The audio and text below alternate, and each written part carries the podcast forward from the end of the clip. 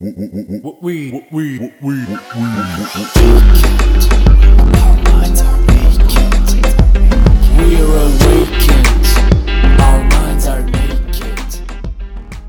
Pozdrav svima, ja sam Martina Đokić, a vi slušate podcast Mentalni nudista. Nalazimo se u 30. epizodi sezone 2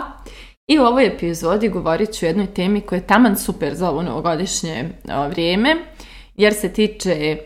te neke sreće, šta želimo, šta nam treba u životu, o čemu maštamo, o čemu sanjamo i o tome koliko mi uopšte vjerujemo da to postoji, odnosno koliko često kada vidimo da neko drugi ima nešto što izgleda wow i super i srećno, mi tražimo mane u toj sreći te neke osobe, odnosno mislimo da ta osoba nešto krije ili nije nešto potpuno dobro shvatila ili, ili žmiri na jedno oko nekim stvarima pa je zato njoj tako lijepo i tako dalje. I ovo je e, nešto što češ, često, često srećem u razgovorima s ljudima,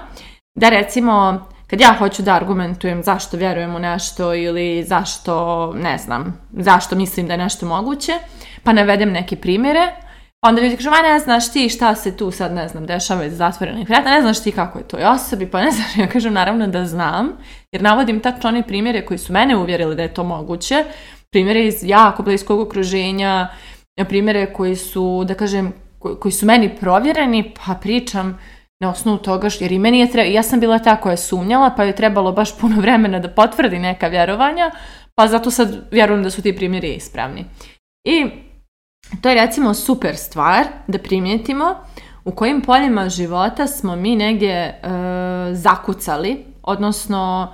stali sa razmišljanjima i zakucali se sa svojim uvjerenjima i tobož težimo nekom boljitku, a u stvari e, ne vjerujemo baš da on postoji, odnosno ako ga vidimo kod nekog drugog taj boljitak, mi dovodimo u pitanje da li je to stvarno tako ili to samo tako izgleda sa strane.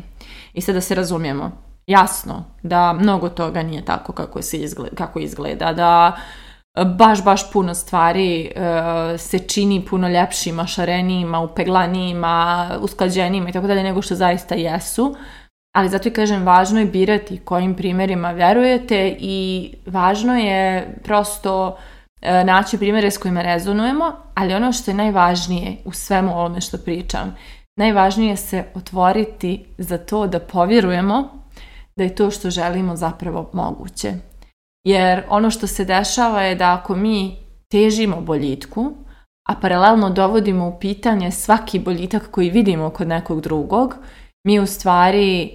težimo nečemu ko fol u što u stvari ne vjerujemo. I onda je logično da to nećemo ni, ni dostići zato što konstantno potvrđujemo nemogućnost toga, umjesto da konstantno tragamo za tome, za tim kako da i mi to postignemo. Jer ako se otvorimo za to da taj nečiji uspjeh, sreća, ljubav, bogatstvo, što god, napravljeno na neki dobar način, zdrav način, način koji je ono e, kvalitetan i, i vrijedan, onda i mi možemo naći taj način jer očito taj način postoji ali ako sve što mi radimo nalazimo rupe u, to jest e, ne, čak ih ni ne nalazimo, ne znamo pouzdano da li postoje rupe u tom nekom boljitku nekog drugog, nego mi ih e, projektujemo, e, izmaštarimo šta sve tu ne valja, onda smo mi svoj mozak potpuno fokusirali da advokatješe za to da ne postoje te stvari koje mi želimo i da praktično nastavljamo da živimo u univerzumu u kojem to nije moguće, nastavljamo da e, živimo,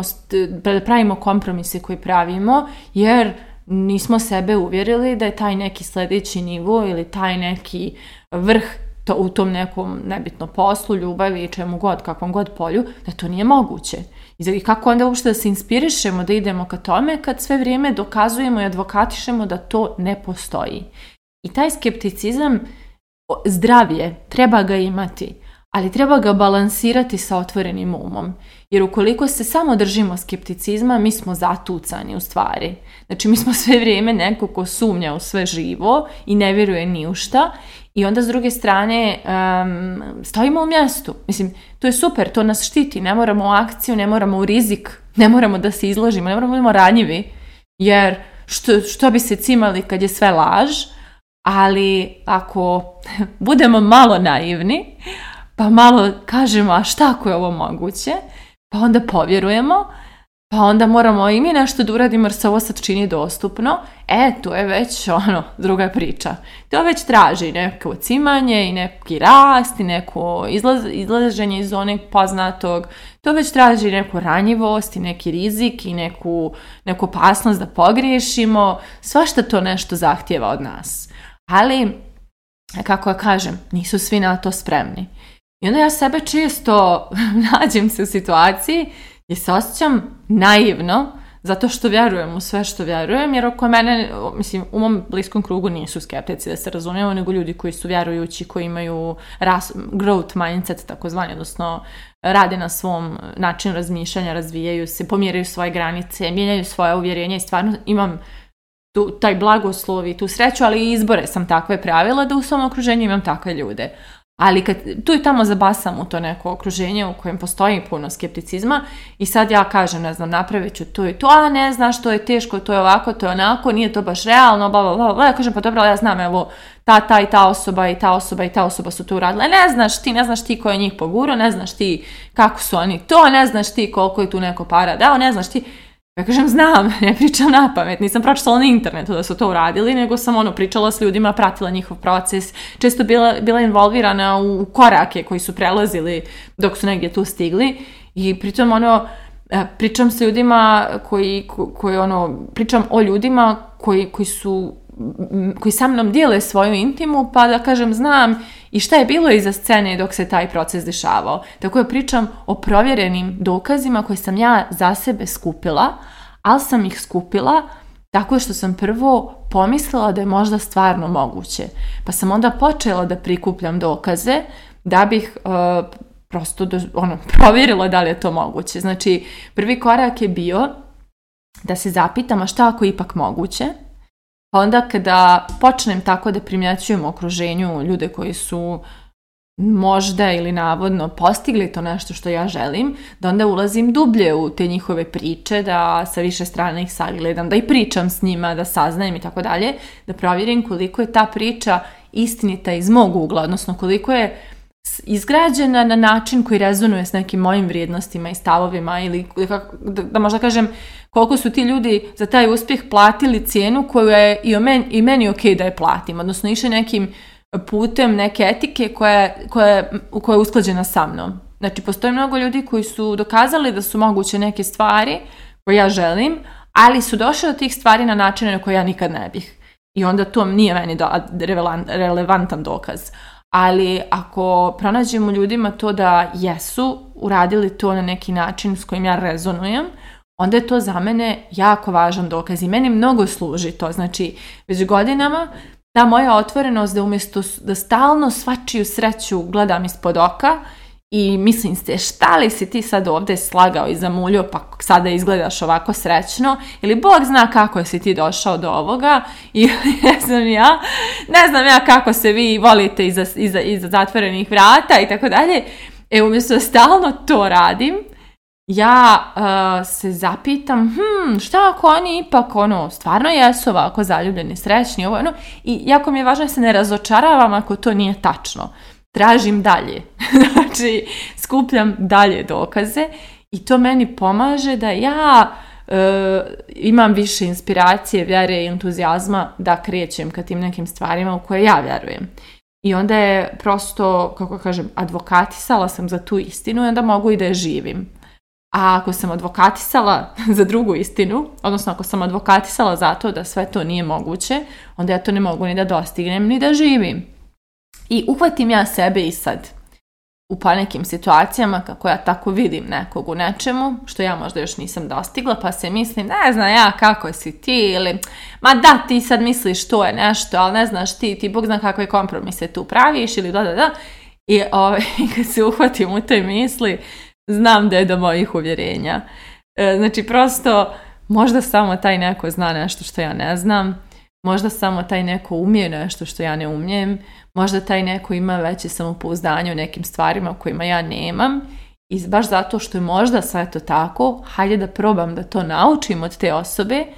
ako je ta osoba adekvatna, mislim saznaću, saznaću putem, a ako nije, nema veze, naću nekog drugog od koga ću sigurno moći to da naučim. Tako da negdje, od kad sam oblažila taj svoj skepticizam i sumnju u svačiju sreću, meni su se otvorile mogućnosti koje nisam imala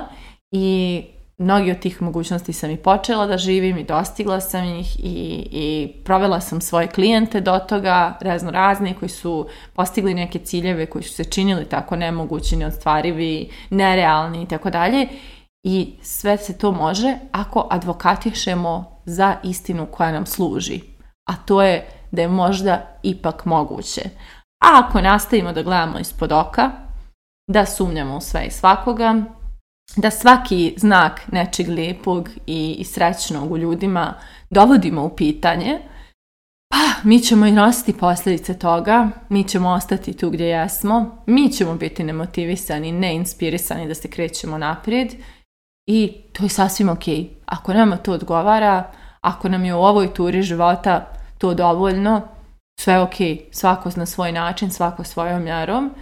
a ako ipak osjećamo da nam fali malo inspiracije, motivacije, da smo tu gdje smo nezadovoljni, da, bi, da bismo željeli na neki novi nivo, ali nešto nam se čini kao da to ne ide, da znamo samo da je odgovor u nama, u tome zašto mi advokatišemo i koje istine pokušavamo da dokažemo svojim uglovima gledanja na ovaj život i ako malo samo promijenimo ugao, ukazat će nam se čitav jedan svijet mogućnosti koji ranije nismo možda nikad ni vidjeli. Tako da moje pitanje za kraj ove epizode je zašto vi advokatišete za to da je sve nemoguće i lažno ili da je možda ipak moguće. Mislite o tome, a mi se družimo u narednoj epizodi.